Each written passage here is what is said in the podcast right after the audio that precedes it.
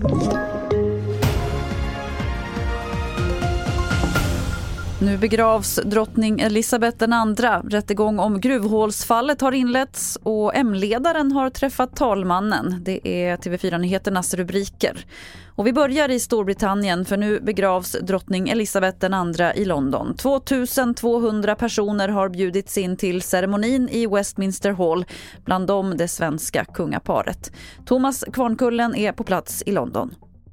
Det bara väller människor in mot centrala eh, London. Man kommer inte in nära den här, den här vägen där vi kommer få se eh, kistan passera eh, lite senare. Utan de människor som eh, fortsätter komma in till centrala London de hänvisar man till Hyde Park där man har eh, satt upp storbildsskärmar där eh, människor nu då förväntas att eh, följa eh, begravningen eh, på så sätt.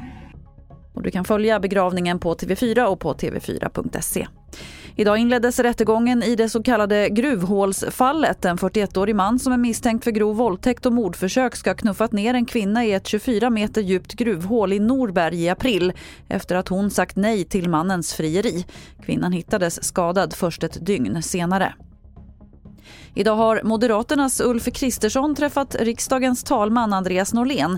Och så här sa han på en pressträff direkt efteråt. Mitt mål är väldigt tydligt. Jag vill bilda en regering för alla svenskar. Alla svenskar som nu är oroliga för olika saker i vårt samhälle. Jag vill bilda en regering som samlar, som inte splittrar, som enar, som inte delar. Det är mitt mål med den här processen som vi är inne i just nu från ett delat land till ett enat land som jag sa häromdagen. Det tror jag är viktigt i sig i en tid som denna. Och efter Ulf Kristersson var det SDs Jimmy Åkessons tur. Sen följer Vänsterpartiet, Centerpartiet, Miljöpartiet, Kristdemokraterna och slutligen Liberalerna. Fler nyheter det finns på tv4.se. Jag heter Lotta Wall.